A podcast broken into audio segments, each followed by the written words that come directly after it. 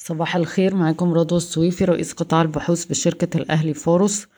سجلت صافي الخصوم الأجنبية في البنوك المصرية سبعة مليار دولار أمريكي في شهر نوفمبر عشرين واحد وعشرين مقارنة بصافي خصوم قدره خمسة مليار دولار في أكتوبر عشرين واحد وعشرين ومقارنة بصافي أصول أجنبية آه، قيمتها تقريبا سبعة مليار دولار في فبراير عشرين واحد وعشرين.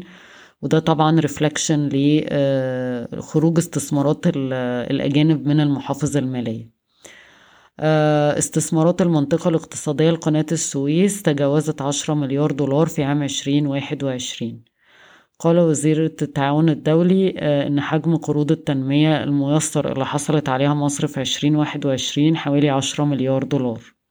تدرس مصر إصدار سندات في اليابان لأول مرة. في إطار خطة لإصدار سندات حكومية متنوعة متوسطة وطويلة الأجل. تشهد البورصة المصرية طرح أولي لأحد شركات المواد الغذائية في النصف الأول من عام عشرين اتنين وعشرين. أوراسكوم كونستراكشن أعلنت إنها أضافت سبعمية خمسة وتمانين مليون دولار مشروعات جديدة لحجم أعمالها في الربع الرابع من عام عشرين واحد وعشرين ليصل إجمالي المشروعات الجديدة لتلاتة ونص مليار دولار في عشرين واحد وعشرين بشكل عام وده ارتفاع اتنين وعشرين في المية على أساس سنوي. أهم المشروعات هي مشروعات النقل والطاقة في مصر ومشروعات المية في مصر وتونس.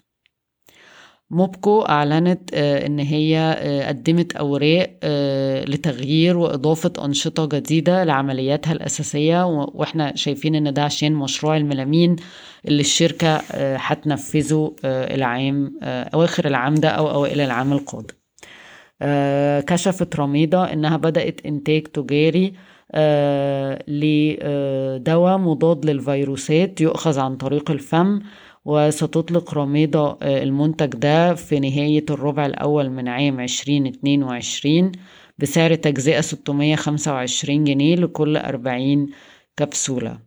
رميضة بيتم تداول السهم عند آه، مضاعف ربحية أربعتاشر مرة لعام عشرين اتنين وعشرين.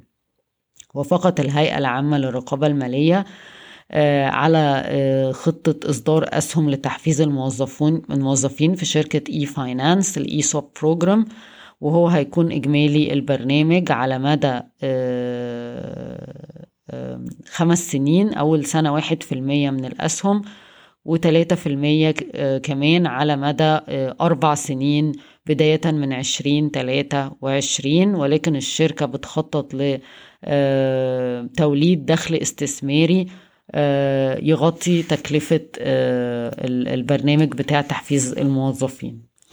آه، سجلت مبيعات الهواتف المحمولة في مصر نمو قدره 12% على أساس سنوي في أول 11 شهر من 2021 لتصل ل 15 مليون جهاز وتصدرت سامسونج الحصة السوقية ب 32% يليها شركة أوبو وريدمي صادق وافقت الجمعية العمومية العادية على تعيين مجلس الإدارة الجديد وتم حجز الدعوة بشأن إفصاحات سبيد ميديكال لجلسة 21 فبراير 2022 النهاردة التلات بفكركم بأسعار السلع العالمية البرنت عند 86 دولار اليوريا عند 845 دولار للطن البولي إيثيلين 1220 دولار للطن الفرق بين أسعار الديزل وال heavy fuel oil آه، ارتفعت عشرة في المية لمية وتسعين دولار الطن. الصودا الكاوية زي ما هي عند خمسمية وتسعين دولار الطن. الفرق بين أسعار الحديد وخام الحديد عند ربعمية وتلاتاشر دولار للطن.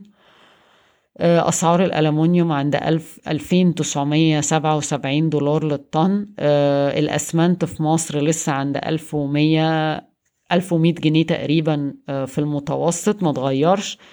في حين إن أسعار الفحم الحراري عند 219 دولار للطن لسه مرتفعة. بشكركم ويوم سعيد.